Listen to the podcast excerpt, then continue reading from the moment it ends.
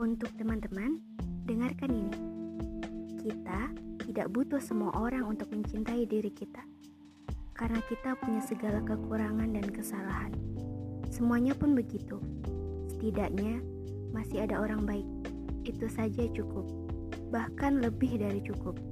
Cukup untuk melanjutkan hidup yang damai, tanpa hati